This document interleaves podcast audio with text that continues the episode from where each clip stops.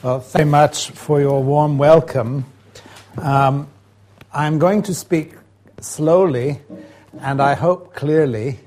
Uh, so if there, there is something that you don't understand uh, because I'm saying it, you know, uh, in the wrong way or not clearly enough, uh, please uh, stop me and I'm happy to explain as much as I can. I realize it's always difficult um, in, when you are trying to listen to a foreign language, uh, and there will be things I'm sure that I will say that uh, may be difficult to understand. So if that happens, uh, stop me and let me know. Uh, I just want to say about your papers, because I read, you know, the exams and so on when you come. Um, if you want to get a good mark with me, the thing to do is to write in a way that I cannot read. you know, there are some people that are like this, and I think, oh no. And I just accept, you know, whatever anybody. because I'm not an Egyptian scholar, and, you know, trying to read this is, um, is very difficult. All right.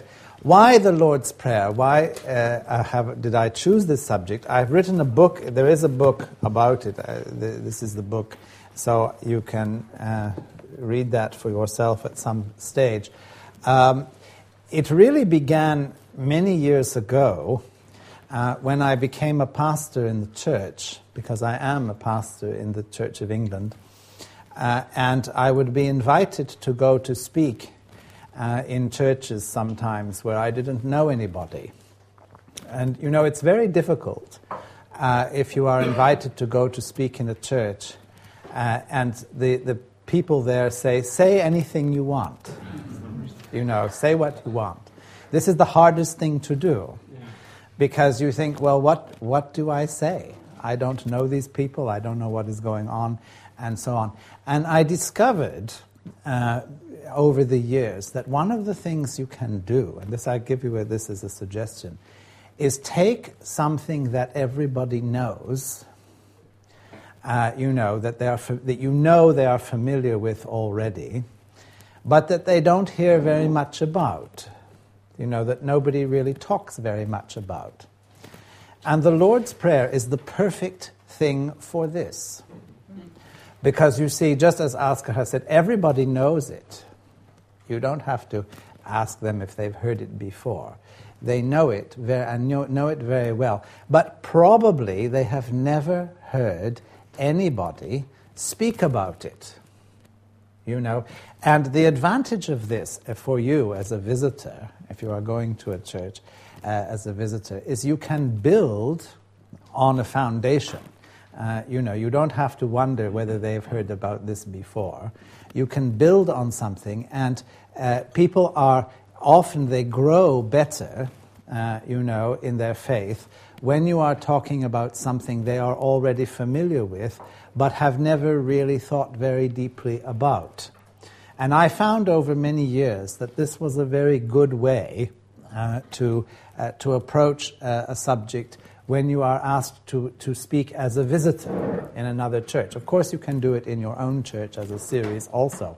But this is a, just a little uh, tip, if you like, you know, because someday somebody is going to ask you to do this, uh, and you, you will be uh, wondering what to do, and this is a, a suggestion for you. But two years ago, I was invited to go to Australia uh, to Sydney in Australia, and I was asked to give a series of lectures uh, that would be based on the Bible, uh, that would be based on the doctrine of the church, rooted in theology, and that would be practical. Uh, that's something that people could apply in their lives. And this is a very difficult thing to do, uh, you know, to get all three together uh, in one thing. And when I, this suggestion was put to me, I said to myself, I will speak on the Lord's Prayer. Because the Lord's Prayer combines these things. You know, uh, it is obviously, of course, in the Bible, uh, words of Jesus, uh, but, and, and it has also very clear practical application to our lives. Uh, perhaps the more difficult thing to convince people is that it is deeply rooted in theology. Uh, it is, in effect, uh, a form of systematic theology. Uh, and this is what I, I wanted to emphasize uh, for these particular lectures uh, so that people can see uh, that our understanding of the Bible and our practice of devotional life, our, our, prayer life, and so on, is tied together by our confession of faith. Uh, because, in my opinion, uh, the weakness of uh, the uh, so called evangelical wing of the church today is this uh, theological confessional aspect, shall we say, which is not integrated properly uh, into our study of the Bible and into our devotional life. Uh, it's very interesting uh, if you look at these three picture, three things. You see the three pillars of the church. Uh, if you have good, theo- uh, good systematic theology uh, and good practical application, uh, but not very good biblical study, biblical exegesis, and biblical basis, uh, you end up with something like the Roman Catholic Church. Uh, I mean, the Roman Catholic Church has a very good systematic theology, very developed, very developed pastoral application. They have an answer for everything. Uh, and if they don't, you know where to go to ask, uh, you know, for the answer. But of course, the weakness is on the Bible. Uh, you know, you say, where does it come from? Um, from the scriptures, and it's, it's not so strong uh, there. But our weakness, uh, I think, is that we can be strong on Bible and we can be strong on devotional uh, life, uh, you know, uh, particularly in popular movements. I mean, charismatic movement is an excellent example of this. Uh, you know, you can be very strong in, in devotion and so on, uh, but have no idea uh, about confession, no idea about theology. And so, of course, it, is, it, is, it becomes something which is purely emotional, enthusiastic, and so on. And when that disappears, you have no foundation, no basis uh, for, for building, nothing to keep you uh, firm.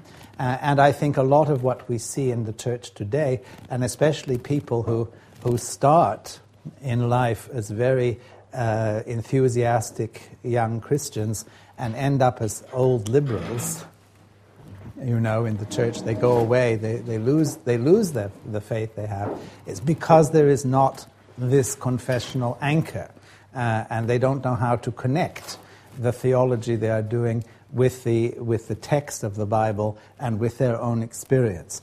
And so for me, the Lord's Prayer is, a, is, a, is a, an example, it is a, a paradigm, if you like, of this, of how we should put everything together. Now, the Lord's Prayer in the Bible, you can see the importance in the church right from the beginning uh, because it is the first part of the New Testament which was commented on uh, by early Christian writers. Already in Tertullian, you have a commentary on this prayer.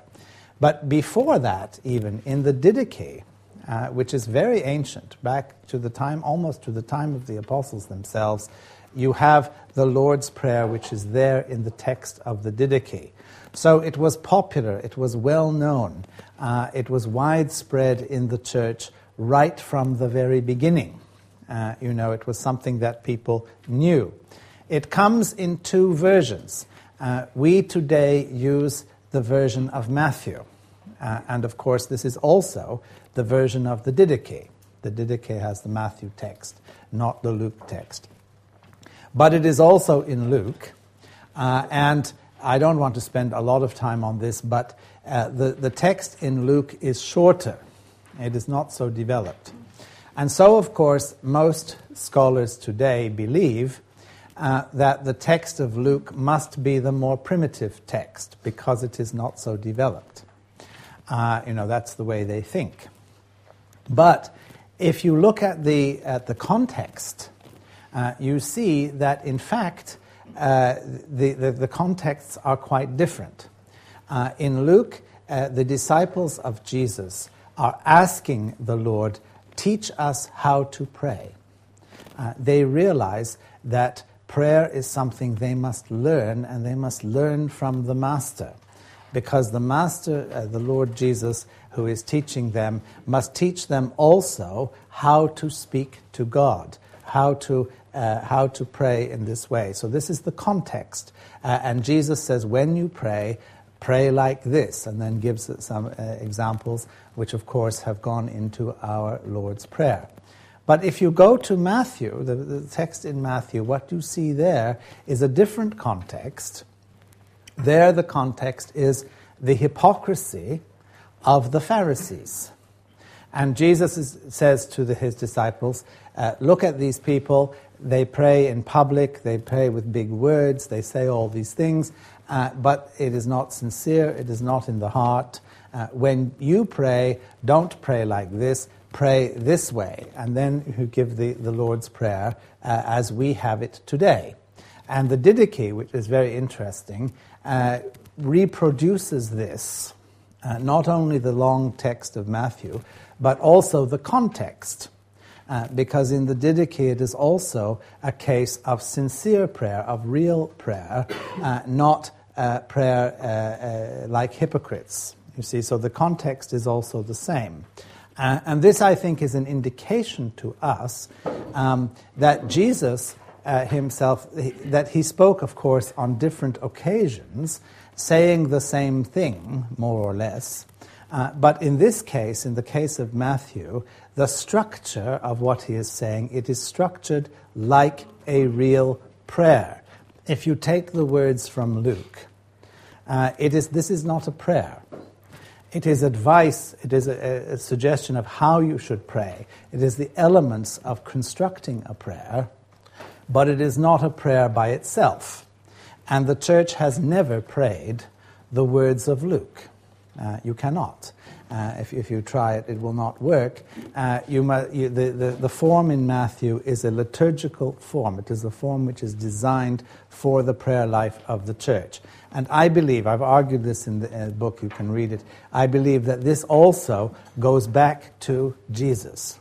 That Jesus himself taught his disciples to pray in this way.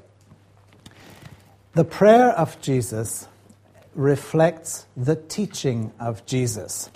Uh, those of you who study liturgy, and this is not something I wish on anybody, uh, you know, um, it's a very, you know, the uh, famous uh, English apologist C.S. Lewis.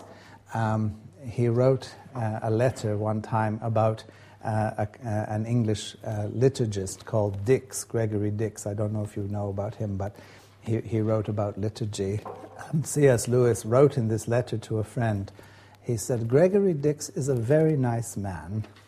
I don't understand why he ever got interested in liturgy. uh, you know? But anyhow, so I don't wish this on you. Uh, but there is, um, there is a saying in liturgy, it's called lex orandi, lex credendi. And this has been used uh, in the last hundred years to say uh, that if you follow the prayers of the church, uh, you will uh, see in the prayers of the church the belief, the confession, because it is in the life of prayer that the belief of the church is revealed.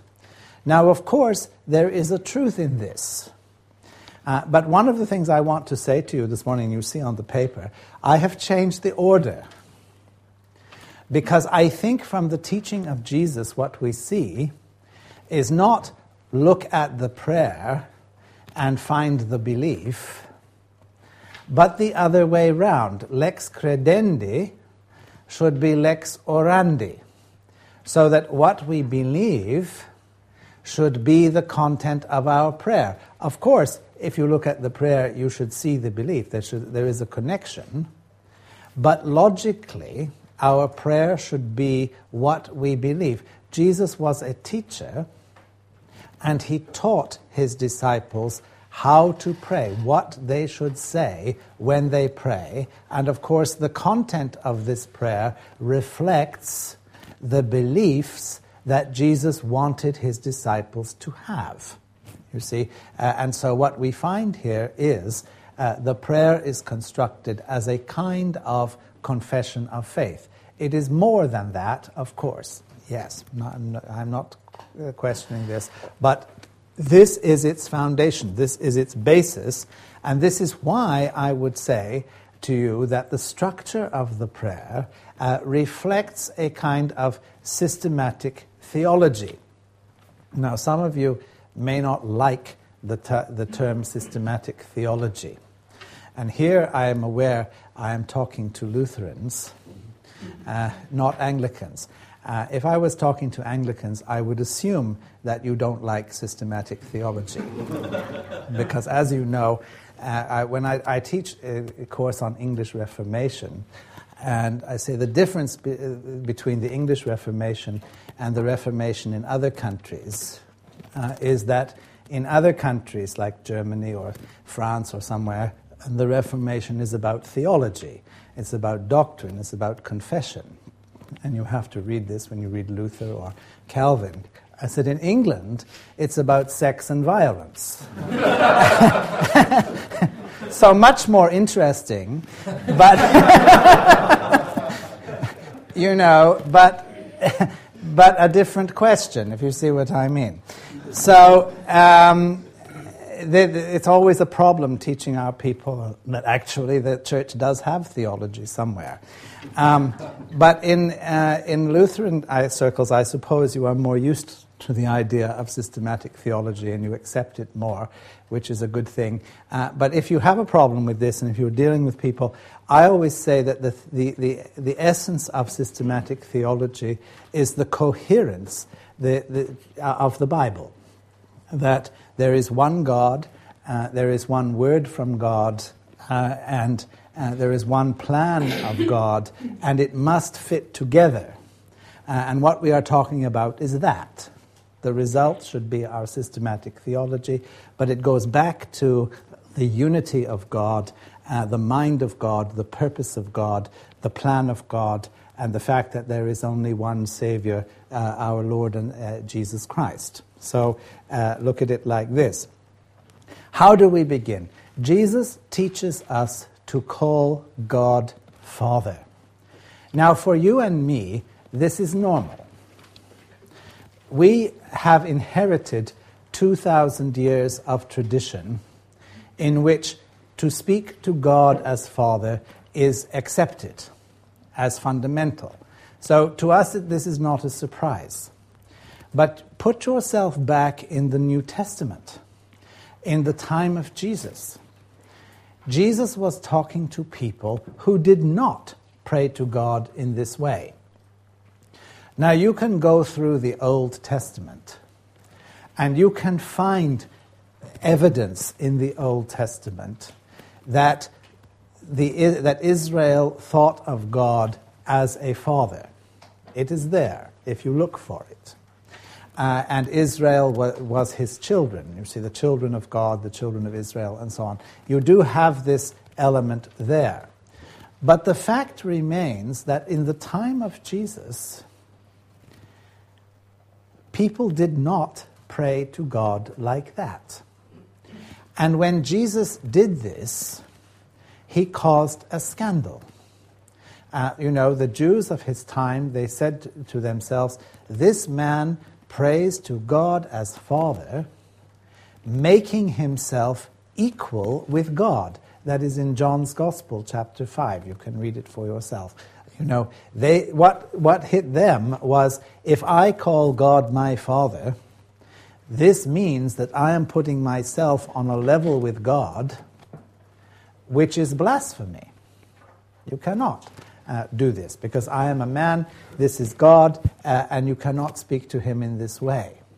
So, for the people of, uh, for the disciples of Jesus, this was fundamental. And of course, we know this. We know that uh, the, the, the characteristic of Jesus that you see in the New Testament all the time, he calls God Abba, Father. This is what stands out. This is a mark, uh, you know, of the teaching of Jesus. And of course, it is a reminder to us of the relationship which we have with him.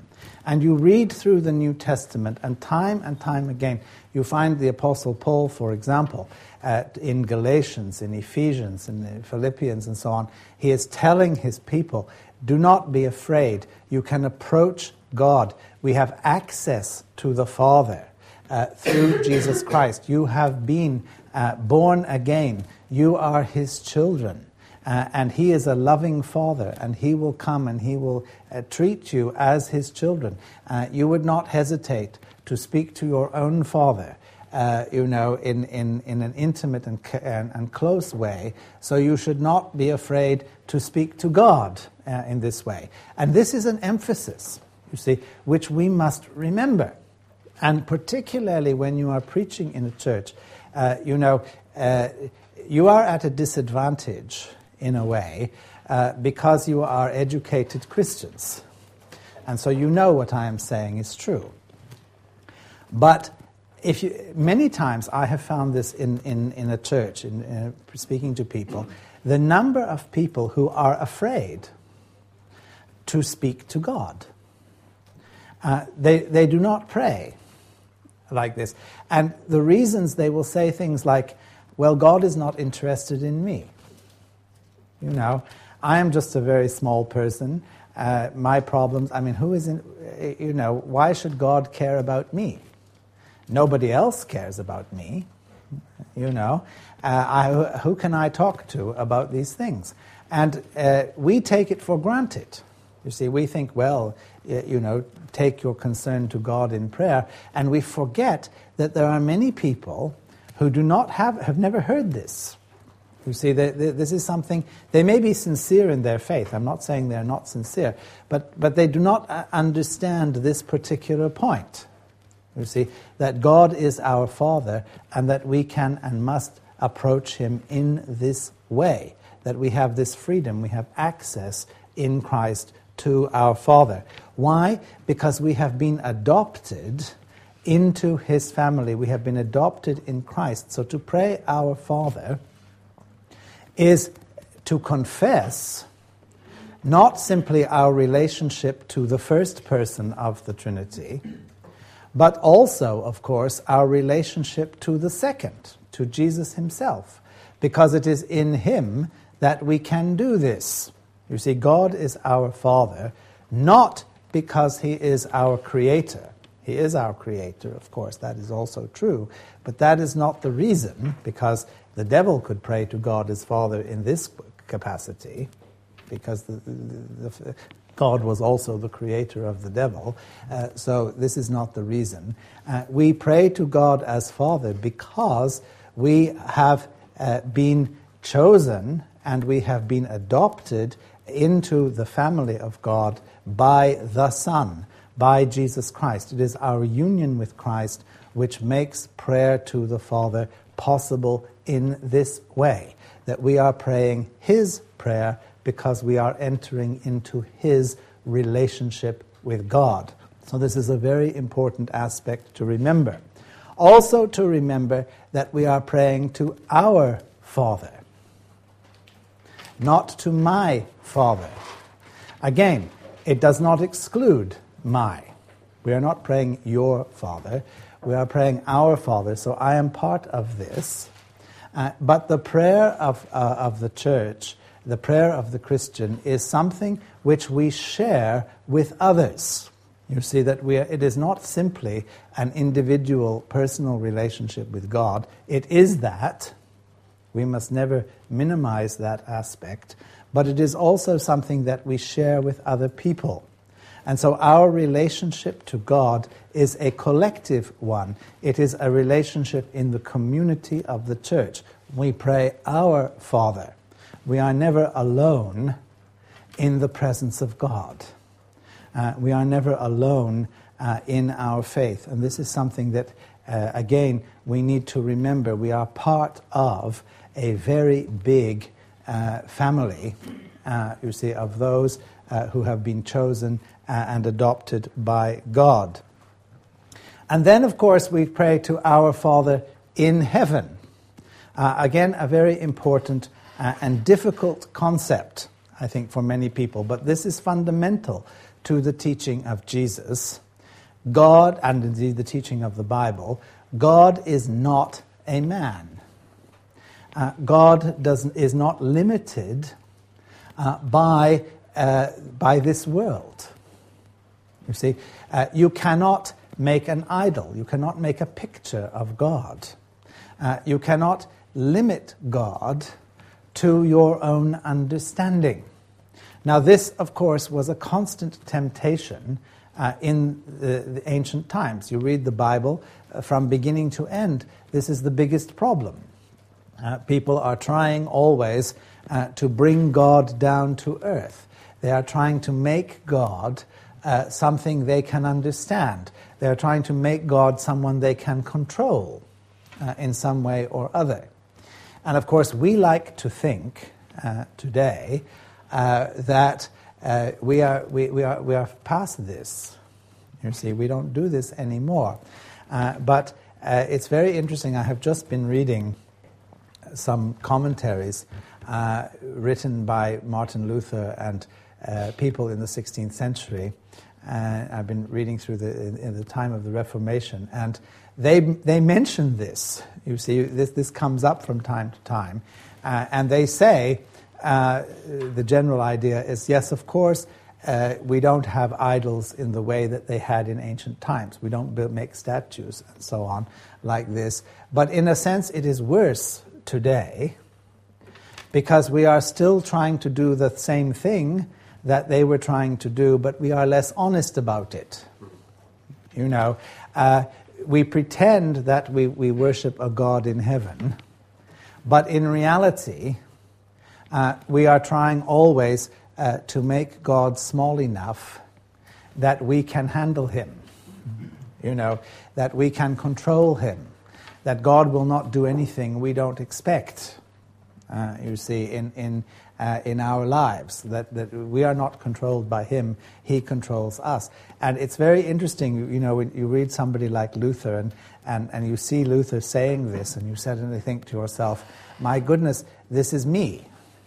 You see, uh, this is my life. This is what, uh, what we are doing now uh, in a more sophisticated way, perhaps, than the ancient Romans or, or whoever, but, but we are still doing the same thing. And it is extremely important. Jesus makes this point. When we pray to our Father, we must remember who He is. That He is a God who is above and beyond us. It is a fundamental principle of Scripture, and you see this in the Lord's Prayer at the beginning, that what a person does depends on who that person is. Uh, in the modern world, uh, we tend not to think like this. Uh, there was a time, a generation ago, when I was a theological student, when it was accepted uh, that the ontological question, as we say, you know, who is Jesus? Who is God? You don't ask this question. Uh, you talk only about what they did, the work, uh, the function. You know, and Jesus was portrayed as a man who uh, who did what God wanted to do, and so he was honored for this. Uh, you know, and he almost became the Son of God, if you like, because of, uh, of what he did. Uh, and this is a complete inversion uh, of, uh, of the Bible. that the Bible, from beginning to end, is a book of, of being, of ontology, you know, of who is this God. and uh, not only this, but also who am I? Because if you look, uh, you see in uh, the letters of Paul, for example, when Paul speaks to the, the, to the church, he addresses you and me as saints. He said, You are holy people. You see?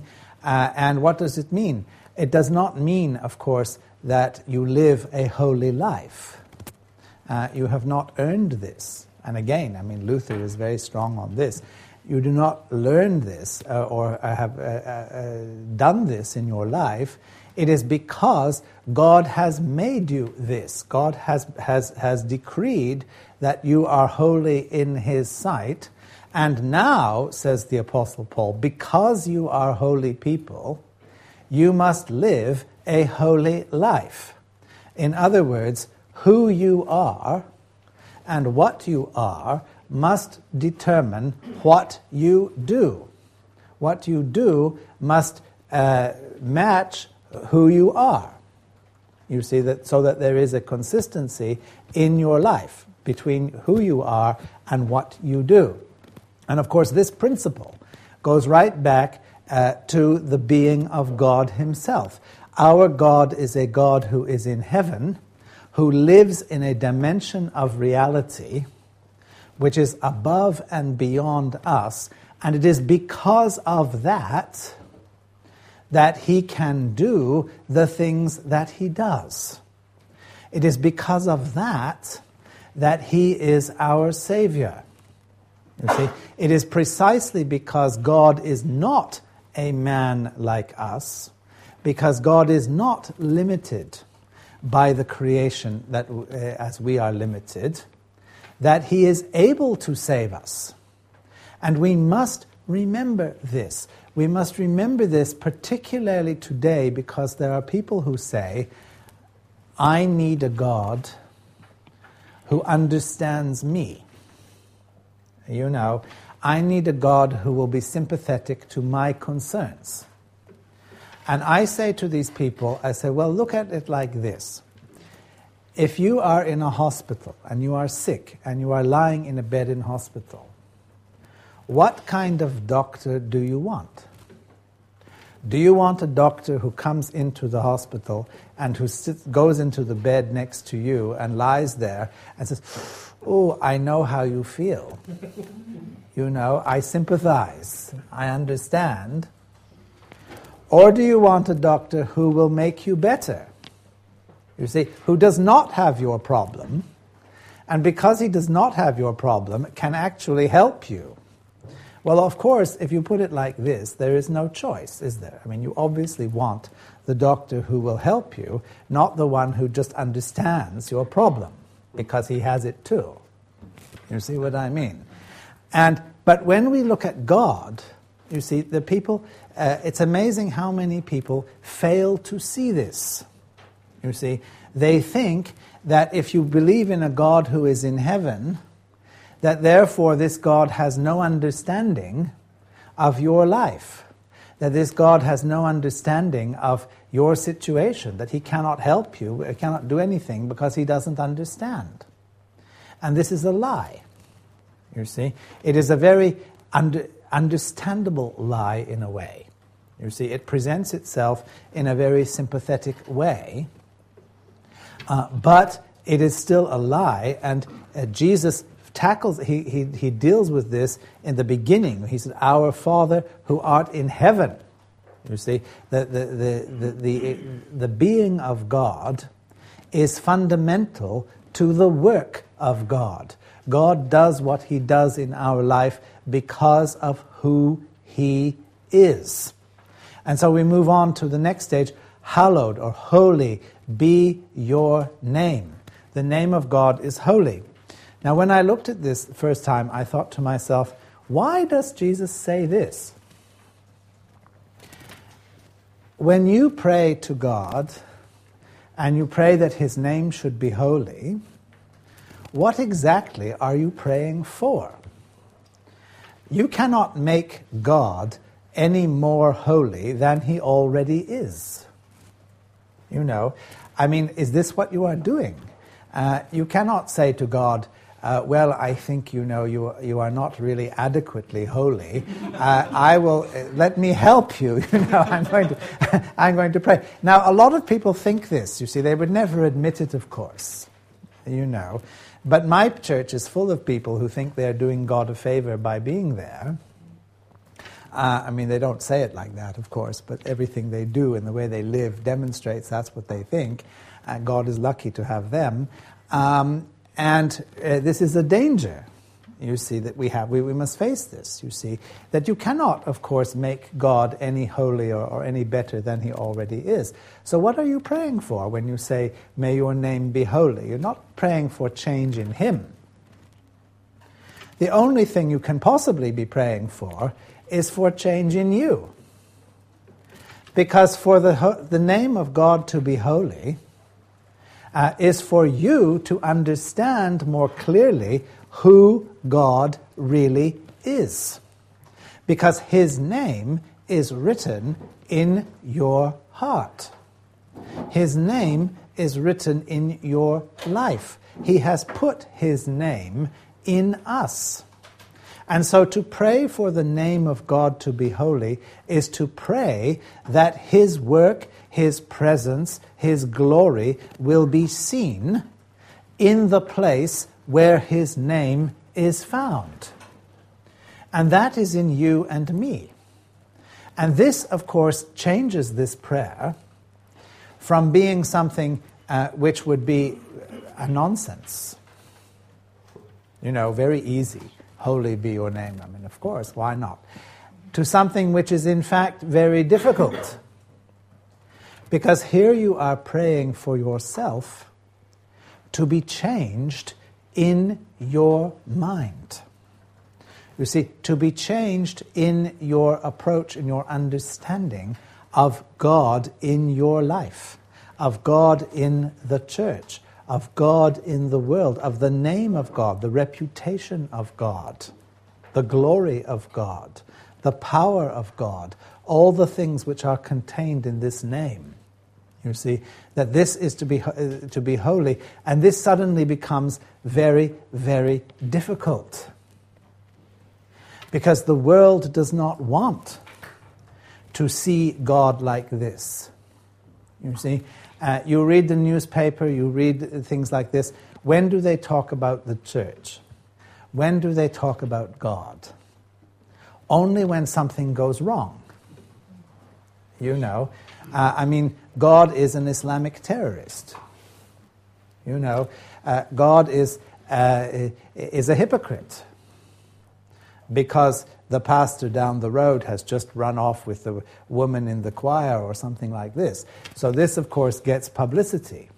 The name of God uh, is, uh, is being corrupted by the behavior uh, of uh, people who claim to be his followers.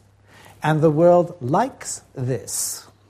You see, uh, this is something which is news, this is something which gets publicity. And we have to be aware of this and we have to know that if God's name is going to be holy, if this prayer is going to mean something, then I must be holy. Because I carry the name of God.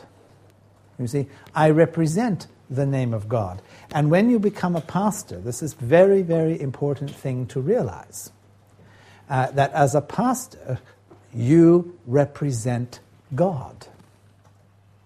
You know that you are not worthy to do this. I'm not saying for one minute that you, that, that you are worthy of this. Of course not. That is not the point. But that is your calling. That is what you are called to do because you bear the name of God in your life. You represent this. And if God's name is to be holy, then you must reflect this in the way that you live. I have a number of very strange friends, but one of my strangest, I will stop in a minute, one of the strangest uh, is a Greek Orthodox priest in Athens who was one of my students in London about 25 years ago. And I was in Athens uh, in February, two months ago. Uh, not a good time to go. I, uh, uh, but anyway, it snowed when I was there. Can you imagine snow in Athens? Um, but uh, I went to visit him, and he took me on a visit to a family because he had to do a wedding on the Saturday in the church, and he was going to visit uh, the family the day before.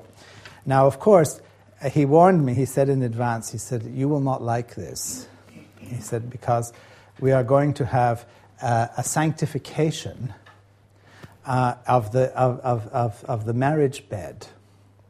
He said, To you, this will be idolatry. You know, and he was going to take uh, his incense and everything like this and say prayers in the house and so on. So I said, Oh, but I'd be very interested to see, you know, how this works. So we went to the house with this man and it came in.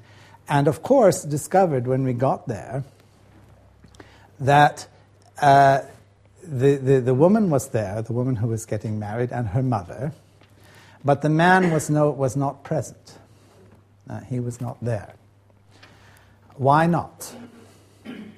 Well, of course, we start discussing, and, and it, it, it, turns out, I mean, to make a very long story short, the man's family did not want this marriage. The only reason they were getting married was because the woman was already pregnant. You know, it was a forced marriage in this, in this respect.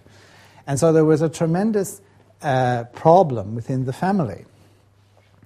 And then I was very impressed to see because this, this friend of mine, this former student of mine, of course, understood this immediately. Uh, and he said to these people, he said, I cannot bless this house. He said, I cannot bless this house because you are dishonest. You are not living the life uh, that would make this blessing meaningful to you. And he gave them, he was very critical, and he was, I mean, in a gentle way. You know, he, he called this girl his daughter. He said, uh, Look, I want to, you know, to understand that I am not criticizing you uh, in, as a person or anything like this, but you must, you must go to God uh, and you must make your peace with God. And basically, he ended up preaching the gospel to these people uh, and said, I want you, I want you to have a happy life, but above all, I want you to be in the right relationship with God. And you cannot rely on the church to give you a relationship with God if it is not already there in your heart. Is that we can do the ceremony, this is all, this is, but this is only outside. What is happening inside? And he came afterwards, we came away, and he said, You see, he said, that time that this is the first time those people have come face to face with God. He said, and this is my job. You see, I am a priest, uh, and I said, this is why I am there to make these people confront God, to make them see that God is a holy God and they cannot manipulate him, they cannot play with him, you see. And I said to him, I said, you know, I said, uh, uh, Ioannis is his name. I said, Ioanni, I said, uh, we don't do things like this in, in our church. Of course, I mean, you would be horrified uh, by this uh, uh, idolatrous behavior. But the underlying principle, you see, that you must bring God into the situation. You must confront people with God, with the holiness of God. That you cannot play with God. You see, that His name must be holy in your life. This was what he felt he was doing as a pastor. You see, he said, This is the justification of my life. Uh, and he said, This is what I try to do. And I said to him, I said, I only wish you know, that our Protestant pastors, with their wonderful theology and pure non idolatrous behavior, had the courage that you have to say this. I said, because how many people do you know who would actually do this and say this? So I said, I'm not criticizing you. I said, I don't live, this is not my church. I'm not going to complain about you. But I honor you for doing that. You know, I said, because those people have heard a word from the Lord, you know, uh, which they would not hear in any other way. And it is, it is the, the work of the pastor to bring that word to those people. Hallowed be thy name. Holy is the name of God. And this is what it means in practice. Now we have to break for an hour, all right?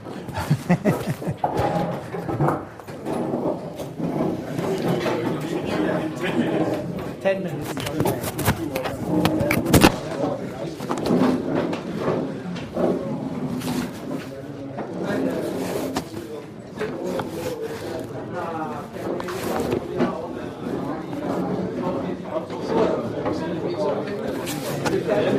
Uh, if you speak to me and slowly, I can understand. But, yeah, langsam, yeah. I mean, I can read no problem, but the the problem is pronunciation, you know, and I would read that mark. I mean, I don't think it's complex. But uh, if I live here, I, I would read that very fast. I mean, fact, the, for me, the biggest problem is is, is that it's not like German. because uh, I like I I try to make it like German. Like the um, the way the words are put in the sentence Right. is different. Yeah. That's right. Yeah. It's more like English. And of course you say, well, that should make it easier. And in a way, yes, but in a way, no. Because because the vocabulary, the Danish vocabulary is more. And so to us it sounds sort of German, but it's not. So it should be the same. It should be the same, and it's not. And so it's a very strange problem to have, you know. Uh, but, uh, but to me, yes, because I, uh, I did a course for a year in Norwegian about 25 years ago, and I didn't speak it, of course, I got the picture of grammar and how it fits together. So when I, I, I see it, I can, you know, figure out. And of course, if the subject, I know the subject is theology. Okay, yeah, so of course. Of yes, course, it comes very fast. And sometimes I read through and I think, oh, that's how you say it. Okay. You know, I realize what it said, what it is, but, I haven't heard it said this way before. You know, And so I, I look at it and I think, oh yes. And of course they said I wouldn't understand one thing in classical Danish. Actually, this is easy to understand. The heart, oh yes, because the classical form is, is really based on my Latin, you know, Latinized uh, grammar. So this is actually easier. Even easier. Yeah, where the hard, the hard is Latin. Of course. Like, yeah, I'll usually write. Like, I was just thinking when you were saying that, that I'll, I'll usually write in a different, you know, how do I say that? Um, You write in a more change, popular change, style. no, yeah, but I also like change the sentences to like not be so straightforward. You know what I mean? I, I don't know how to explain it. I was just thinking that would that would make it sort of Yeah, I interesting for you to read because Yeah, yeah, yeah. like sometimes you'll play with the words You or play play with with the words, sentences and stuff like that. exactly. And that's Exactly. but that would even make it like more fun because you get like a, an experience of okay, so these things can sound different. Yes, that's right. And this is much harder. Sure, yeah. because you have to have a different level. But, but if people are using classical expressions and classical forms, if you have a classical education, you understand it. You know, it's not so difficult to, to, to, to read. So I can read the papers that come to me, people write, I, I understand what they say. Most of the time. I mean, How, how would you say that the, the level here is compared to what you experienced in the same, uh, the same way. Excuse me, can I change the pen? Oh, yeah. The same, you. the same range. Uh, your good students are as good as anybody. Sure. Your bad students are as bad as anybody. And it's in the middle that you know. I mean, uh, I think on the whole, um, I, it, it's, it's, it's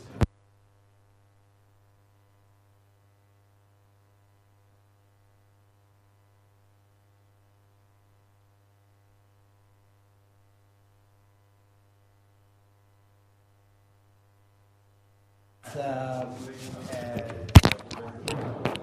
it's always interesting to read. Also because I was, I, I'm asking because also like the, I think the, the educational uh, system or maybe ideology behind a lot of things are a little bit different here in Denmark compared to like I was I lived in the States for a year. Yeah. It's very different, you know. And I Oh, think yeah. England is more Is it more like in that Denmark? direction. Yeah. Uh, well, yes, it's somewhere halfway. between, I would say. It's probably. halfway. Yeah, Yes, yeah. it's halfway. Yes, Uh, yes. So, yes. but but that don't sort of you don't sort of um, see uh, some sort of uh, influence from either one or the other way of these in the American education is much more general, yeah. and European is much more specialized. That's right, and, and very factual, like American. It's like a lot about knowing all kinds of things. Yeah, yeah, and yeah. Not so much about being able to apply them. No, exactly, exactly. Where were you in the States? In Maine? Yeah. Oh, okay, yeah.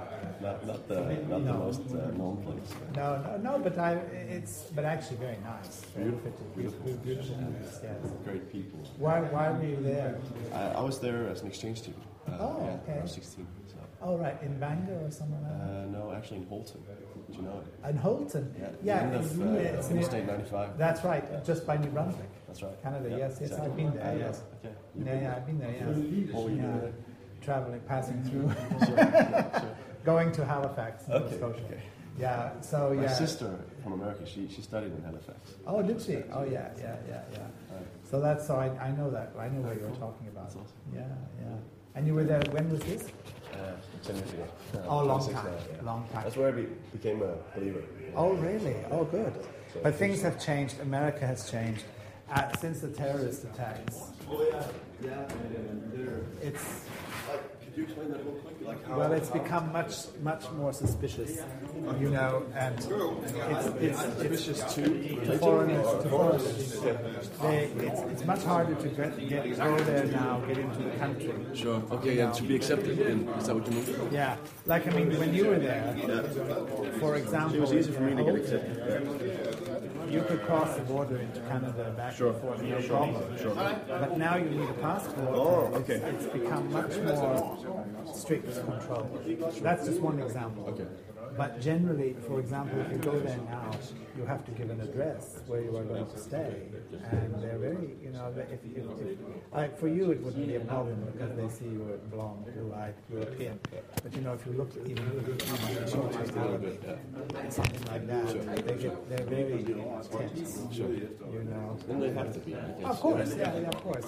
I mean, you understand. I've noticed the difference over the years. Um, that it's, it's I feel uh, it's harder for me now to go there.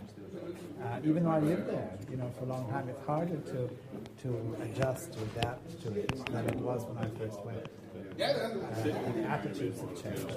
Just one last comment. Yeah. I need to go to Greek, but, Yeah, yeah, but yeah. uh, I, I loved your story at the end. Uh, Oh, yeah. Brilliant story. And, Yeah. uh, it's I'm the only uh, non from here.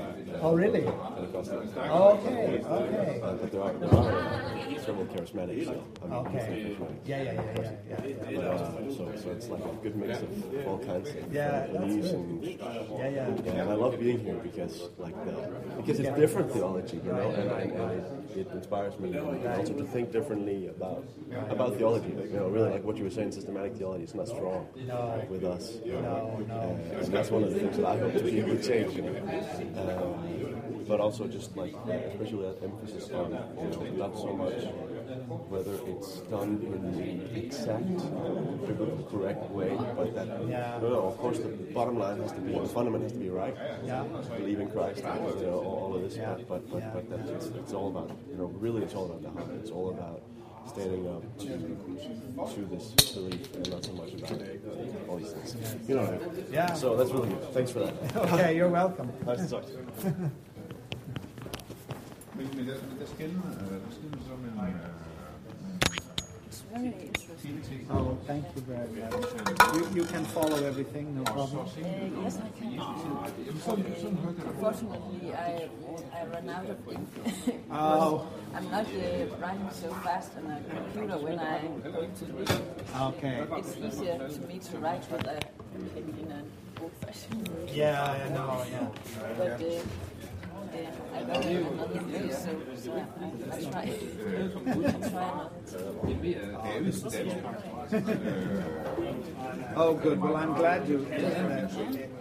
because I'm always afraid that it's not clear, you know. If you can, if you can follow. I'm glad about it. That's- Are you studying to to work in the church to be a pastor? No, uh, I don't think it's uh, right for women to be uh, pastors. Uh, Right. But uh, I'm, I'm not sure what I'm going to do. Uh, maybe uh, work as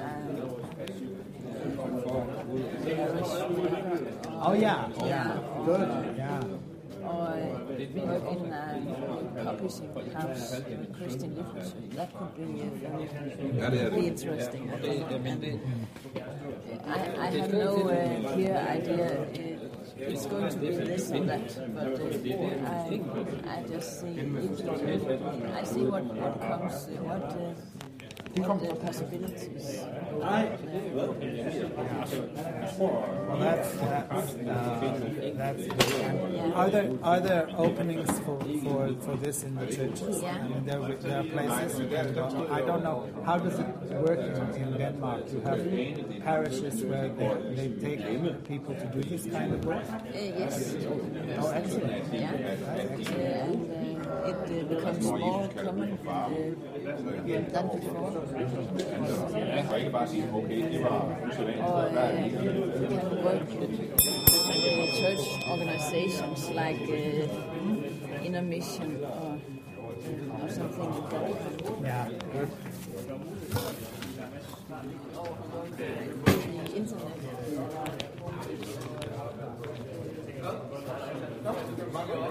I always do that. Very, yeah. Yes, and how much people Yes, yes, really. Yes, uh, that's perfect. And you, uh, from the time to think about what you're going to write. Yeah, yeah, absolutely.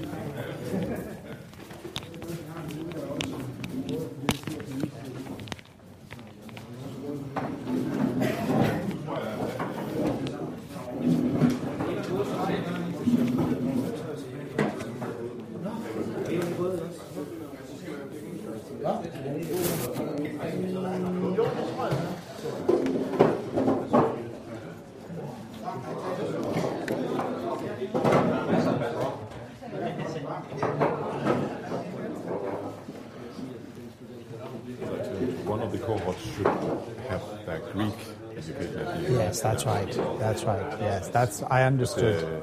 It's very good. Okay, good. Thanks.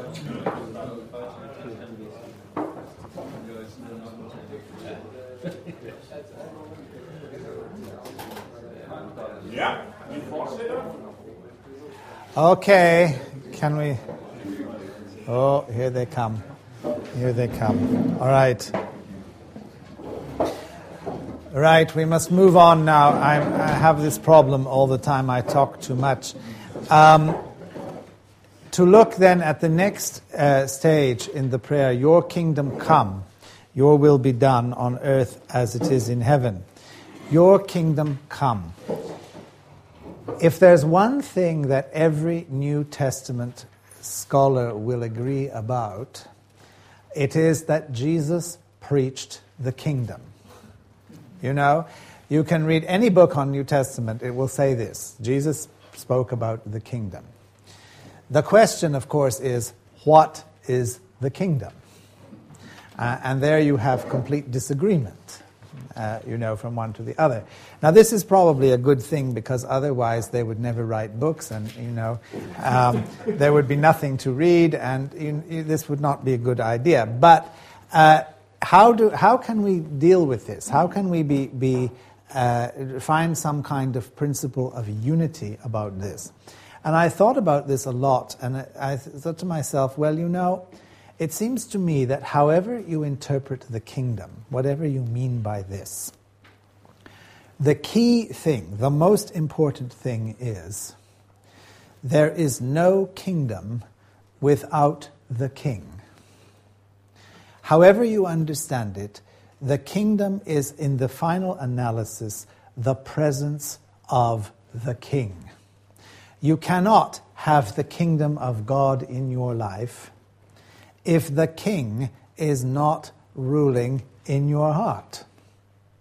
It doesn't make sense.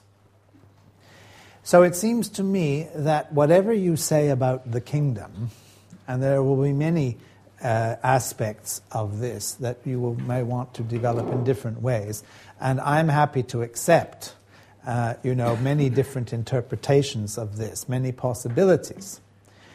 What I look for always is at the heart is the king present in the midst? You see, is He there? Uh, is He at the center of our life and experience? Because if the King is not there, there is no kingdom. Or there is a kingdom, but it is not His kingdom, it is the kingdom of Satan, uh, who, of course, creates a facsimile, uh, you know, representation, but not the real thing. So, this is the heart of the matter, and I think this is what we are praying for. When we pray for the kingdom of God to come, we are praying for Jesus Christ, the King Himself, to come into our lives and take control. This is a deepening of our relationship with Him. Uh, sometimes you hear people say of others, usually, they will say, That person over there has accepted Jesus as his Savior, but not as his Lord. In other words, this person has heard the gospel message and has responded, but this person's life has not changed. You know, uh, God is not in control of that man's life. And the answer to this, I think, I would say to this, is this is not possible. You cannot accept Jesus as your Savior and not as your Lord. Because Jesus himself says many, many times that to accept him is to accept his rule. In fact, uh, you could say that in the New Testament, it is first primary that he should be Lord, and it is because he is Lord that he is our Savior, not the other way round. You see, it is our uh, obedience, our submission to Christ as Lord, that is the basis of his saving work in our life, that his saving work has a meaning in our life because we submit to him as Lord. It is not because we like the idea of what he has done for us as a Savior, and so we buy this, we buy into this, and then discover afterwards uh, that we are expected to obey what he says. You know, discover this as a, a, a secondary option uh, later on. This does not work. And we must remember this. And to pray, Your kingdom come, is to pray that the Lordship of Christ, that the power of God, the, the sovereignty of God in our lives will be revealed. This is our union with Christ. Your will be done. Uh, I thought about, reflected on this when I was uh, writing, and it occurred to me that this phrase, this word, occurs twice in the Bible and I think only twice. It occurs here in this prayer, and it occurs also in the Garden of Gethsemane uh, when Jesus is in his final struggle uh, before God. You see, not my will, but your will be done. And I thought to myself, isn't it ironic that the only person in the Bible who says, your will be done, is the one person who did not have to say this. You know, the one person who could, who, who could uh, have said, uh, Well, I don't need to pray that. You know, because after all, the will of God is my will, because I am God. You could argue, you see. But of course, Jesus does not argue like this. He says to us, we pray, Your will be done. Why? I think there are different reasons. And I think we understand the, the, the, meaning of this in the Lord's Prayer if we look at the Garden of Gethsemane. We bring these two things together because Matthew, of course, represents both of them. He is the one who records the, the two occasions. And we ask ourselves, why? What is going on uh, in the Garden of Gethsemane. Why does Jesus say, Not my will, but your will be done? Because in this moment, of course, he is revealing to us his true humanity. It is not normal for a human being to want to die. Jesus knew that he would die. He came into the world in order to die. That He knew from the beginning that this was why he had come, this was his purpose. Everything he did in his ministry moved in that direction. You see, there was no secret about it, there wasn't an accident. Uh, it was planned from the beginning. And yet, when the moment came, when the moment came when he had to face this supreme sacrifice, what we find here is Jesus is a real, true human being. He does not want to die as a man. And it's very important that we understand that because, of course, to have a death wish, you see, to be happy about it, uh, to want to die, is not psychologically normal.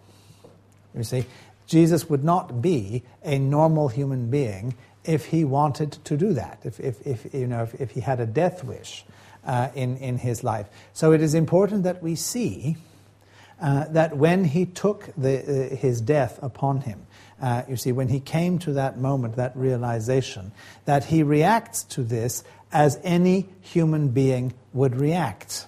You see, that he has the feelings of a normal human being when faced with this. Very important because here we see the depth of his identification with us.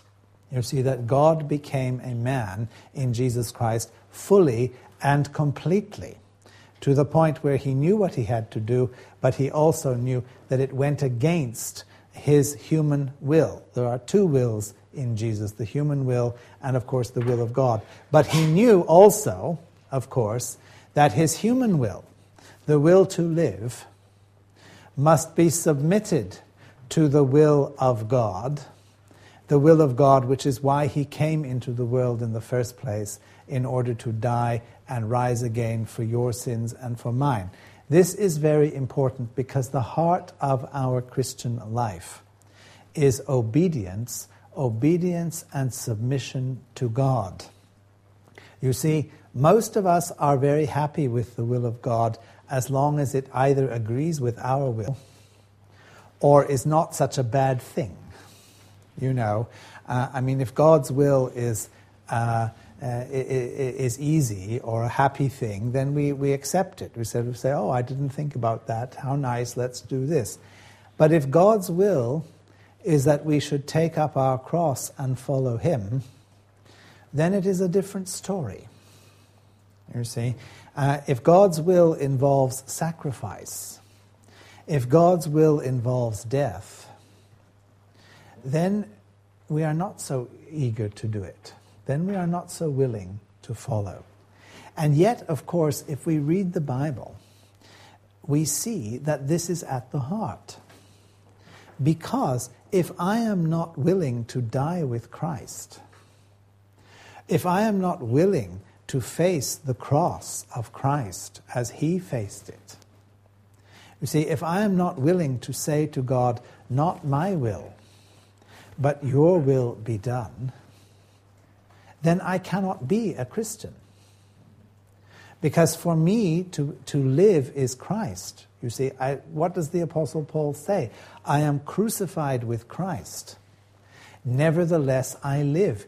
The Apostle Paul, when he writes to the Corinthians, he says, I am determined to know nothing among you except Christ and Christ crucified. Why? You see, does the Apostle Paul like to talk about death and blood and all these things? No, of course not. It is not because he has a warped or, or uh, you know, psychological problem that he, that he does this.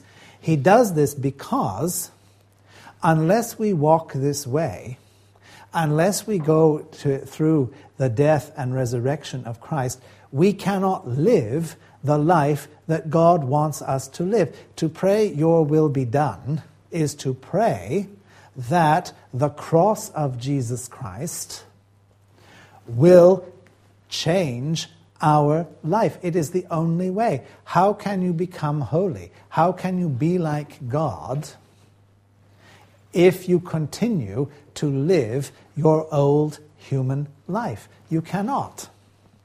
You see, the way of holiness, the way of God, is the way of the cross. And the way of the cross is no easier for us than it was for Jesus. We must not pretend here. We must not say, oh, anyone can do it. You know, I mean, one of the problems with modern evangelism, and please, I'm not anti American, don't get me the, the wrong, I'm not anti American, but the Americans have perfected this technique. We have to be honest here. You know, all you have to do is sign a card, go down to the front, uh, you know, uh, give somebody your email address or something like that, and presto, you are saved. You know, you are in the kingdom of God because you have the stamp in your passport. You know, it's fine. Make it easy. You know, user friendly, as they say. Uh, you know, salvation. But this is, uh, as I, am not trying to be critical of, the, uh, of these people. Please don't, uh, you know, uh, or, or this. But we live in this kind of world. You know, we live in a world where things, we, we like things to be easy. Push a button, it will happen. You know, uh, make it instant, instant coffee, instant this, instant that. Uh, you know, uh, do everything simple. And that way we will get people in, in, into the kingdom. But this is not the way of Christ. It is not the way of God. The way of God is your will be done, and your will can only be done if my will is not done. You see, if my will is crucified, if I am crucified, you see, if I sweat the blood that Jesus sweated in the Garden of Gethsemane, not because I save myself, of course not, you know, but I have to be united with him, united with him in his death, united with him to such an extent that I can say with the Apostle Paul, I am also dead. I have died in this life, but I am raised again. I am raised again in Christ. And His will becomes my will. And of course, the Christian life, our life as believers, is a life of this.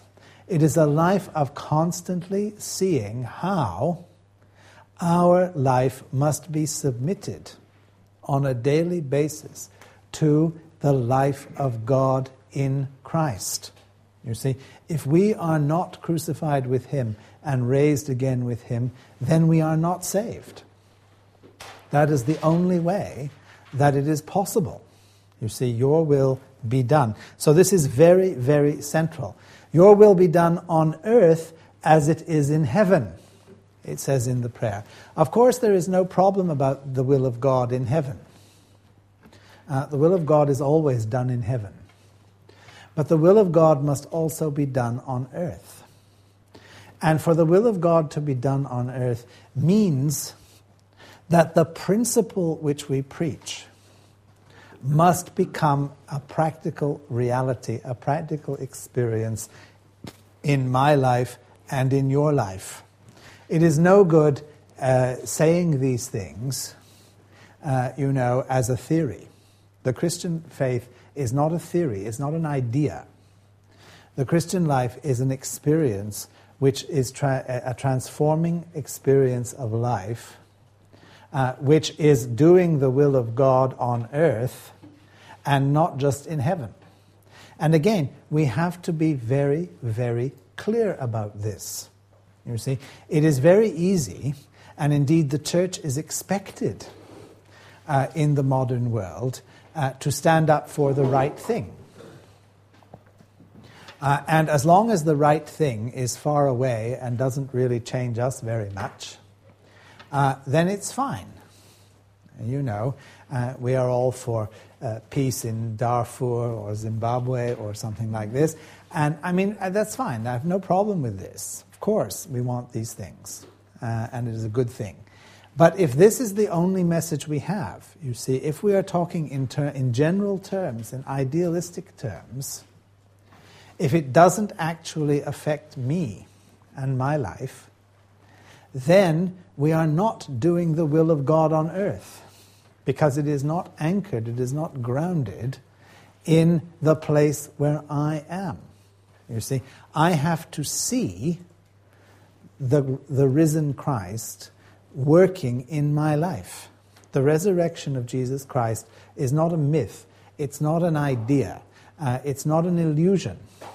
It is a transforming reality uh, that happened, of course, in those days. It happened to Jesus physically in the flesh, but, it must, but its effects must also be felt in me. I have to change. I have to become a different person from what I was before. Uh, you see, because otherwise, I am not praying. I am not living the life that He wants me to live here on earth.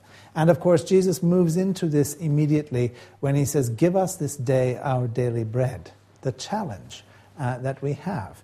Do we believe that God actually looks after us? Do we believe uh, that God is going to uh, protect us and keep us in this life uh, as well as in the next? Are we prepared to trust ourselves to God in this way? Or do we live one life in the world, which is the life of, uh, of common sense, you might say, in the world, uh, and another life uh, in, in, in the spiritual realm? You see, is there a division here? Now, give us this day our daily bread combines these two things. You see, it is very interesting that it combines the, the life of this world with the life of the kingdom of heaven. You cannot separate them.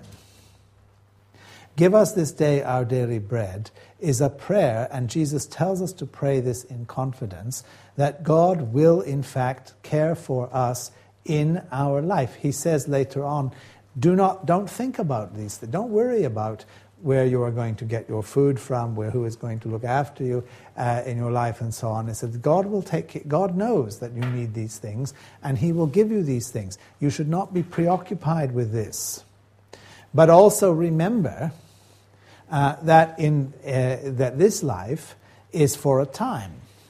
The life in heaven is for eternity, and the true bread, of course, is the bread that comes down from heaven.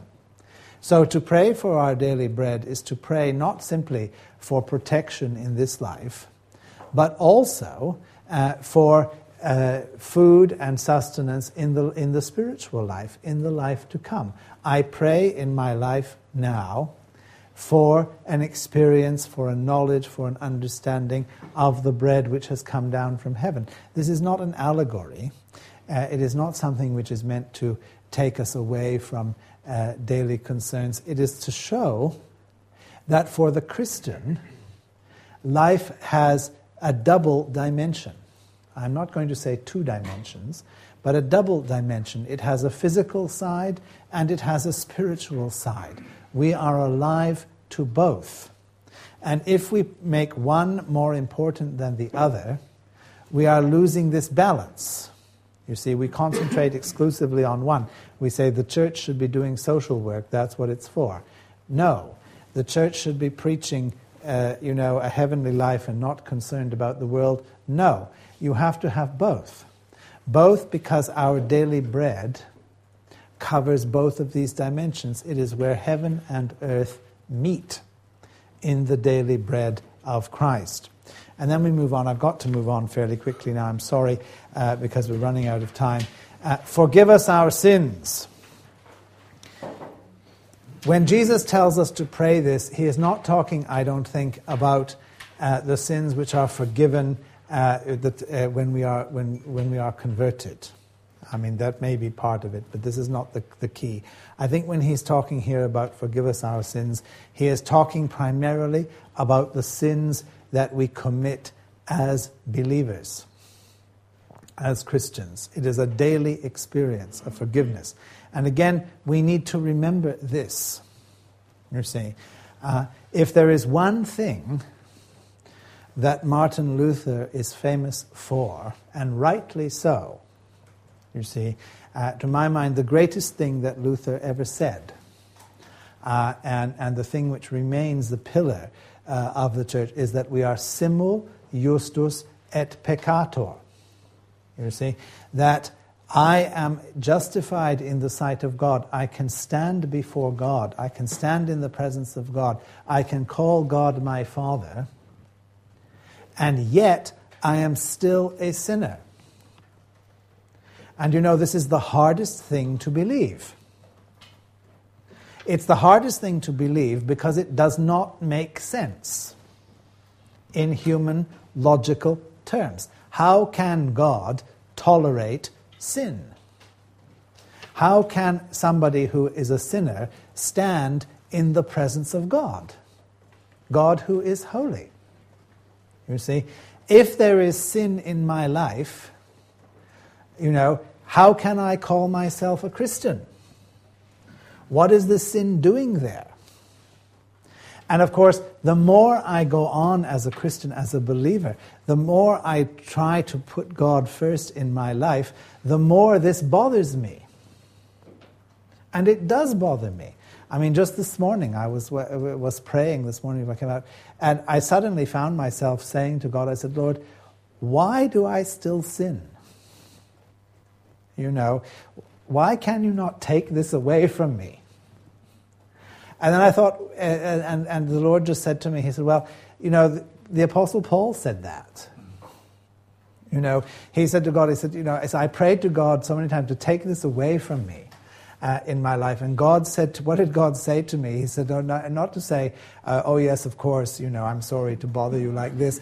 I will take it away. He said, my grace is sufficient for you. And this is what God says to us. You see, He says, I know, of course it is right that you should hate the sin in your life.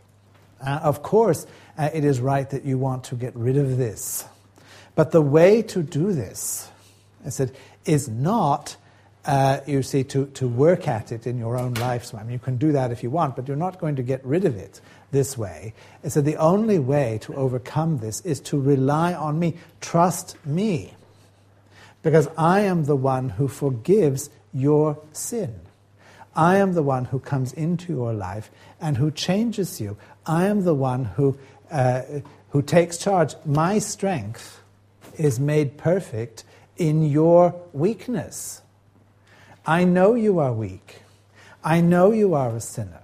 I know you can't do this on your own, but this you should realize is the evidence for, from my point of view that I am working in your life. I am the one who is using you. I am making you something which you cannot be by yourself. You can only be in me and by me and through me. And if I don't work in your life in this way, then you will not reflect my glory. You see, your glory may be very interesting and other people may be very impressed by this, but it's not my glory. Is that my glory is made uh, perfect in your weakness. You see, that is how it will be seen. So you must pray not that your sins will be taken away in this life because they will never be taken away in this life. You must pray that they will be forgiven. And to be forgiven means that the effects of these things, the, the, the, terrible thing which you know is there in your heart and which should keep you humble always in the presence of God, this awful thing that we bear with us in our life, that God actually knows this, that God takes this, that God overrules this, and of course, one day when we stand in His presence uh, in eternity, it will be taken from us.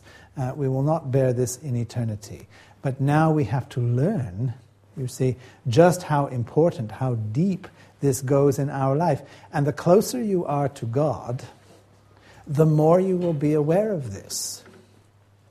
You see, I don't really like to ask people what they think about God or to tell me what, you know, their, experience, their Christian experience about what Jesus means to them, or so on. It's not because I don't believe this, and it's not because uh, I, you know, I think that, the, that God is not working in their lives. I'm sure He is. But I don't really like to ask this question because people always give the right answer.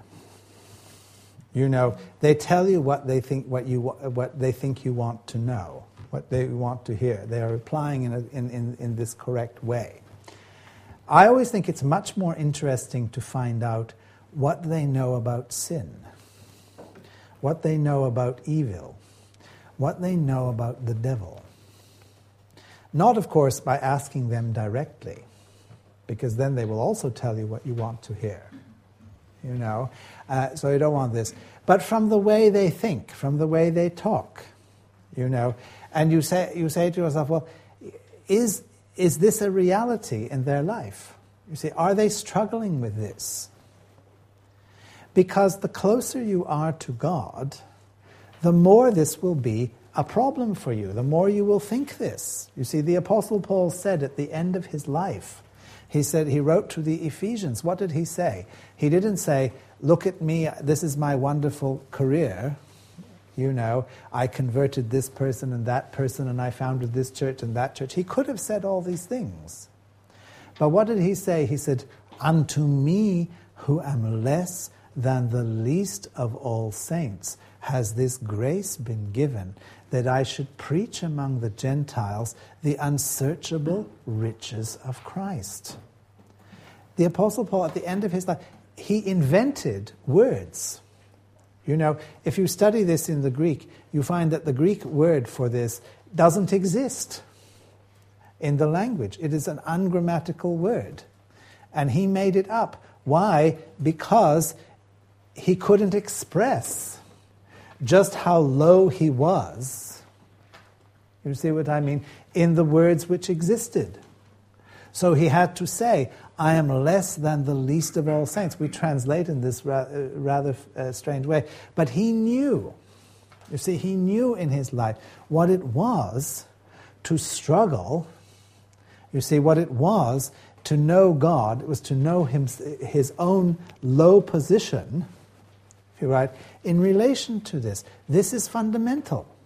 And this is what I look for when I look at other people, when I look at Christians, I want to see the awareness in your life. Please, I don't want you to tell me all about your problems. I'm not interested in your problems. Take them to God. Um, you know, and um, uh, this is, this is, He is the one who deals with these things. But the spiritual warfare that we wage, this is fundamental. You see, and if we aren't aware of this, if this is not central to our lives, then we are not walking the way of Christ. So, forgive us our sins is very, very important. As we forgive those who sin against us, the hardest line in the Bible. You know, sometimes I wonder to myself, have I ever really forgiven anybody in my life? Now, of course, it depends. You know, uh, there are levels here of forgiveness. Um, if something doesn't really matter, you know, if, for example, you walk through the door and you go push like this or something like that, I mean, and it doesn't really make any difference. You know, you are just a rude, pushy person, uh, and so on. So, you know, I can forgive you. After all, you know, there have to be peasants in the kingdom, so you just accept this, you know. I said this in our church, we had a church meeting on Monday night, and they were arguing about music in the church. You know how people argue about music in the church all the time. And we have this assistant pastor who has just come from seminary, always the most dangerous people. And, um, you know, he's busily saying that we need to get rid of the organ because no, you know, the or- who wants the organ? Let's have, let's have keyboard and guitar and things like this. Well, you know, I'm not against these things, but it, you could see other people in the church who are, you know, teachers of music and uh, you know, professional singers and so on are getting very upset about this, you know. and so finally, they asked me what I think, and I said, well, I said that, you know, every society has its peasants. And we, we, have to, we have to cater for them too. I said, but you don't have to eat at McDonald's all the time. Uh, you know, you can also have a higher level. And so of course, they looked at me and said, you know, I said, I'm sorry, I don't want to sound like a snob. But, um, you know, but this kind of thing uh, we, we bump up against. But to me, this is not really very serious. You see, we can forgive this kind of thing, uh, you know, because it doesn't affect us personally, usually, very deeply. But I'm talking here about something else. I'm talking about something, if somebody does something to you in your life, that is really very deep. Something that really affects you. You know, and it could be anything. It may not affect other people in the same way, but it affects you. Do you forgive them? And the answer probably is no, you don't. You know, uh, there are things that people can do to you that are simply unforgivable. And however hard you try, you never actually forgive them. And so you look at this in the Bible and say, my goodness, if the way I forgive somebody else is the criterion, is the measure for the way I am forgiven by God, there is no chance I will ever go to heaven. It's not possible. And then I realized, but you know, that cannot be what, this, what Jesus is saying here. It cannot be because if you take this, then what you are saying is Jesus is preaching salvation by works. Because if for me to forgive another person is a work of my, li- of my will, of my heart, and so on, which I cannot do in certain cases, you know, I find it very hard to which is impossible to do in some cases, then I cannot get to heaven. And of course, even if I could, let's say by some miracle I was able to forgive the unforgivable, I could do this. What I would get to would not be heaven. Because it would be something I earned on my own effort. Uh, and this cannot be heaven. You say, how can I, a human being, earn the grace of God? I cannot do this. So, whatever Jesus is saying here and whatever he means, it cannot be this. And so I puzzled about this and I thought, well, how do you understand this? What is going on?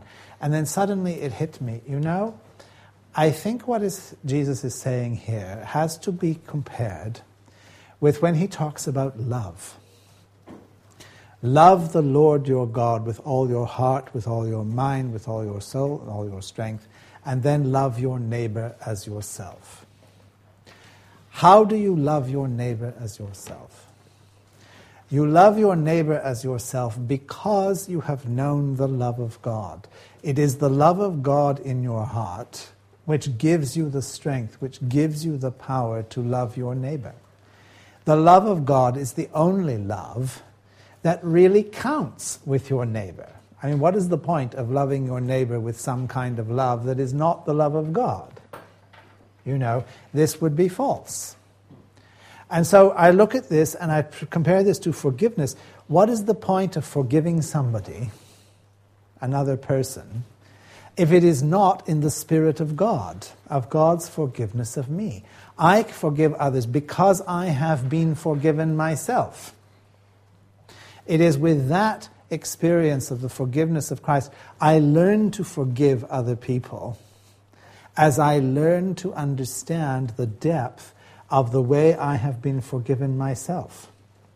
And again, please don't believe me uh, on this. Uh, read Martin Luther. Martin Luther is full of this all the time. He's very good, you know, uh, on these things. And I've been reading a lot of him lately, and it's been very interesting to see how, how much he focuses on this that the forgiveness which I have experienced from God in Christ uh, is the, the power of uh, the Holy Spirit at work in my life, which makes it possible to forgive the unforgivable.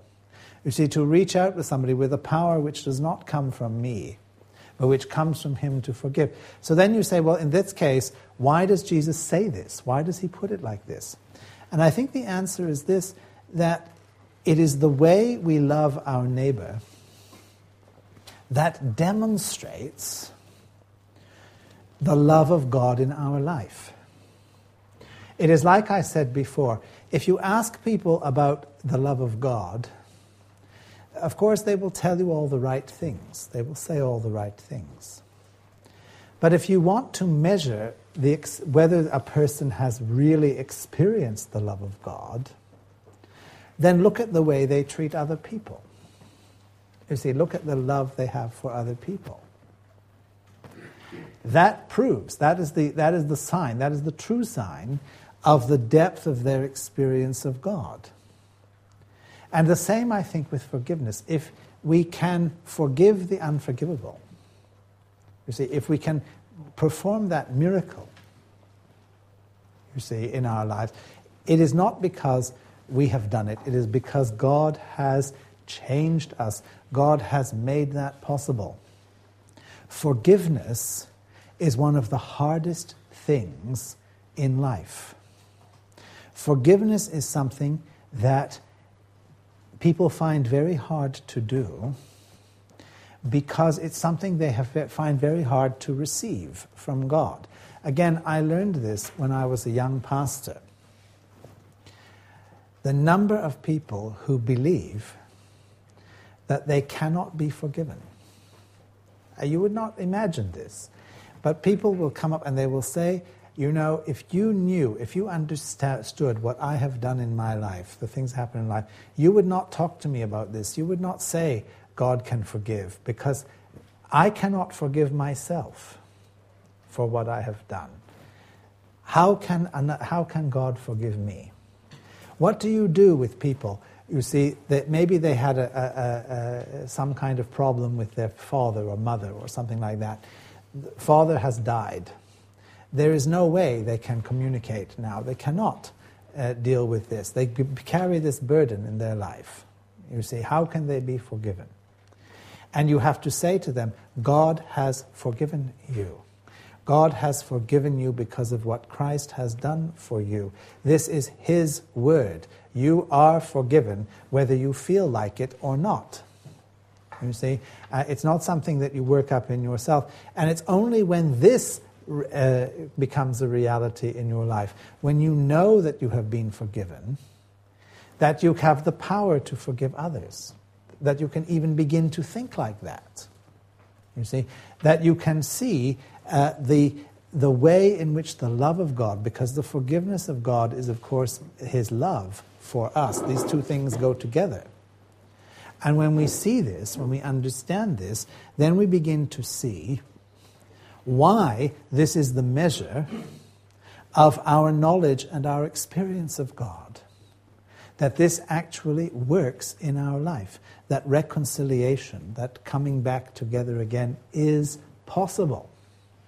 That you do not have to live in a state of not being forgiven forever. You see, that you can know forgiveness because God has made this possible in your life. Then finally, and here I must finish, lead us not into temptation, but deliver us from evil. Lead us not, notice the difference. Temptation is something we go into, or we, we pray not to be led into. Deliver from evil is something to be taken away from. The movement is the opposite. And so you say, why? What is going on here? First of all, what is temptation? Temptation is the art of the possible. Very important that we realize this. You see, um, I might want, for example, to be an Olympic gold medalist. But I will never be tempted in this way because I have to be honest. I'm not telling you anything you don't already know, but this is not going to be possible. So, therefore, this is not a, this is not a real thing in my life. It's not a, I'm not going to be tempted like this. You never are. You are tempted only to do things which you can do. In fact, that is the genius of temptation. You see, Satan tells us something that we can do. And it is knowing that we can do it which makes us feel that we have power over ourselves, over our lives. And we are trapped you see, by the feeling that we are sovereign, that we are in control, and we can do this, and we can demonstrate that we are in control by doing this thing. And it's only later that we discover, of course, that by doing that thing, we are trapped, uh, we, are, we are caught by the power of evil. Now, it's very important, this, I think, because um, uh, one of the proofs of the divinity of Christ, uh, it seems to me, in the New Testament, is the temptations of Jesus. You see, Jesus was tempted by the devil uh, to turn stones into bread. Why? Because he could do this. You see, you and I cannot do this. We'll never be tempted like this. You see, I say to people, you might try to bake bread and end up with stones. This, yes. but, but, but not the other way. you see? Uh, because for, this is a meaningless thing for you and me to be tempted in this way. But for Jesus to be tempted in this way is a sign that he is God. Because only God can do this. You see, so the temptation of the devil to Jesus is really the, the, the compliment that vice plays to, pays to virtue. Uh, you know, that evil pays to good because you can see that the devil recognizes who Jesus is and what Jesus is capable of doing. So, this is the nature of temptation. Uh, and uh, we need to understand this. Temptation is not sin. Uh, by, it, it is not sin. Uh, it is a suggestion of possibility of committing sin. This is why we pray not to be led into it. We do not pray that we shall not be tempted. Because as long as you live on this life, uh, this earth, as long as you live life, you will be tempted. That is part of the life that we are called to live. It is part of our spiritual warfare. Temptation will come every day in every conceivable way. It will become more subtle as we go get older. You know, every once in a while, you read the story of some politician or some businessman or somebody like this whose career is suddenly destroyed because a scandal has, has developed. And I don't know whether you pay much attention to this, but I always am very interested in these things because you look at these things and you discover that nine times out of ten, this is something really stupid. You know, that some politician, you know, has not paid his parking tickets or something like this, you know, and has uh, has done. I mean, in England just recently, you, uh, you, probably didn't hear this, but the Speaker of the House of Commons, you know, who's a very sort of prominent person, is now being probably forced to resign. Why? Because his wife has spent £4,000 on taxis to b- go to the supermarket uh, to buy uh, food for receptions, you see, for, for the, the, the, politicians that they have to give. And of course, the, the committee is saying, why doesn't she take the bus? you know, and of course, to answer, well, because it's London and there are no buses, uh, it's, not, it's not a good enough answer. But, you know, and, and you, laugh, you look at this and you say to yourself, now this man, his whole career is going to be ruined because his wife spends money on taxis you know, and of course charges it to the state, obviously. Um, uh, you know, this is destroyed. And yet, time and time and time again, this is the way it is. You know, you look through somebody's life. There are very few people like Adolf Hitler, you know, who do that kind of thing. Most people, it's usually something small, or it starts off small and they think they can get away with it and so on. And then they, they reach a certain level, a high level, and this comes home to, to, to attack them in the rear. And their whole life is destroyed because of some stupid thing that they should have avoided. And of course, as Christians, as pastors in the church, this is what happens. One of my former students, I'm trying to contact right now um, because he has disappeared the last three months. Why has he disappeared? Well, apparently, uh, he got involved in the church with some woman uh, in the parish, and uh, from what I understand, no one has told me this, but I'm putting together my knowledge of the person and the, what has probably happened, is that this, he, he went to this person to help her. You know, she wanted help. Very sincere, because this man, I, he's the, the nicest person you will ever meet you know, very kind, very sincere, very generous, very good. Also very stupid. naive, naive. All right? So probably what happened was he, he went and did the, he got involved and didn't think of how his what he was doing, you know, in sincerity was not being received in this way. And what seems to have happened was somehow or other this was reported to the bishop in, in a completely different way, of course. And he was suspended. He, was, he, was, he, he had his, his license to preach taken away. And he was so overcome, I think he is so overcome by the shame of this that he has just disappeared. He has cut off his links with everybody because he, you know, he cannot accept what has happened. Now, don't misunderstand me. This, I, lo- I love this man. He's a very good man. And I want to contact him because I want him to know that, that there is forgiveness, that, that this is not, you know, we, we don't hold this against him and so on. We understand what has happened. And yet he has been led into temptation, probably, in some way, without realizing it. You know, he probably has no idea that this has happened. You know, this is what is going on. This is how it is seen by other people. And this can happen to us. You see, this is my point. This is why we have to pray. The Christian life, this is the spiritual warfare. Do not be led into temptation. You see, it is uh, growing closer to God, so close to God that we see it coming, we recognize it. Christians are not innocent people. You see, naivety is not a Christian virtue. You must know uh, what the, what, who your enemy is and what you are faced with. Deliver us from evil. Finally, I must finish here. We live in a world of evil. You cannot escape it. Even if every single human being became a Christian, we would still be in a world of evil because evil is above what is purely human. It is something that is to do with heavenly powers, Satan. To be delivered from evil is to be protected and guarded against those powers, against that thing. And we need to be aware of this.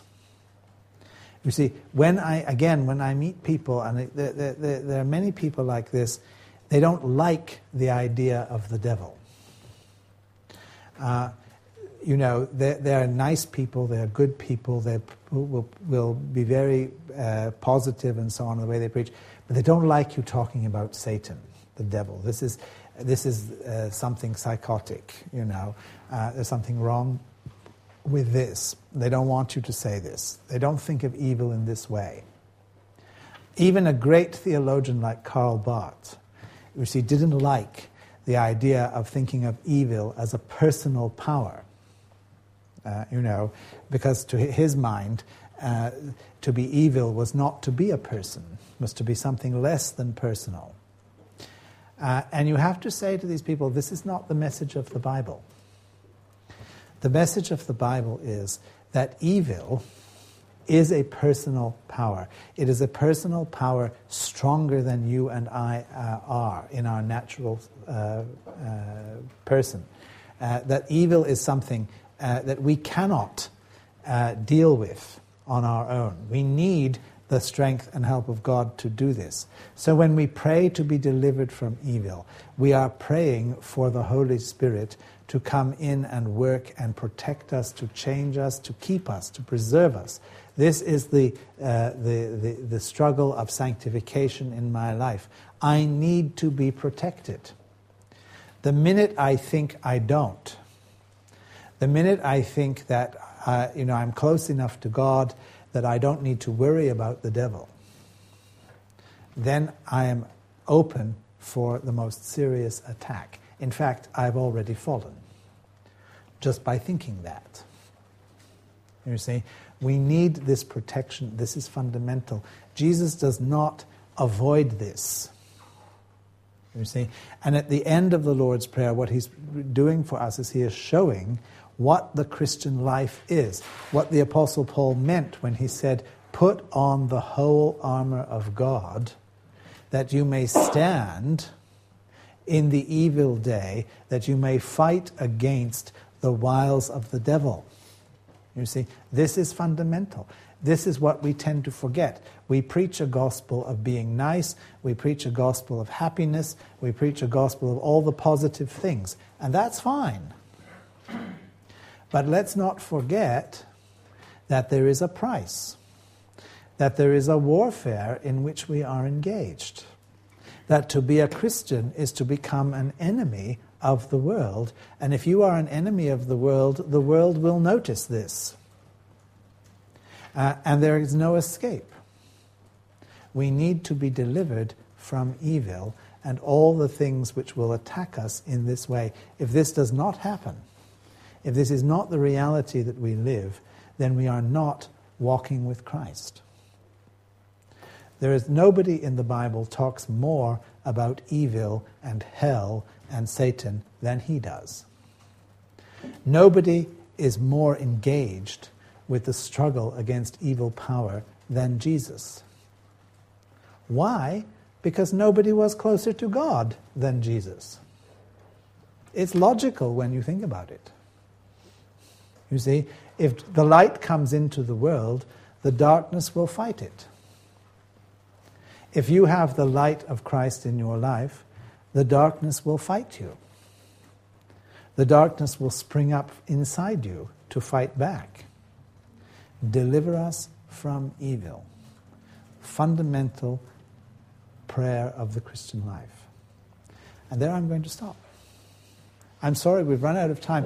Uh, I wish we had time for questions. I'm, I'm, I'm, I'm so sorry. But maybe we can do that this afternoon?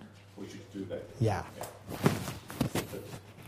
Now, thank you very much for this Thank you. very inspiring lecture with a combination of theology and practical faith. really. Thank you. Uh, Anglican, Lutheran, or simply Christian. Thank you. Uh, we didn't have, uh, we didn't order the copies of your, your book here, actually. You should have done that. Oh. So I just made a list, so if somebody wants to, to buy it, we do a combined uh, order. Order, yeah. Yeah, yeah. So uh, if you're inter- interested, and I certainly am. So Yeah, we'll- get a discount. Yes, yeah, very good. But now we will have a pause and we'll continue at a quarter past three, four, four, four, one. quarter past one.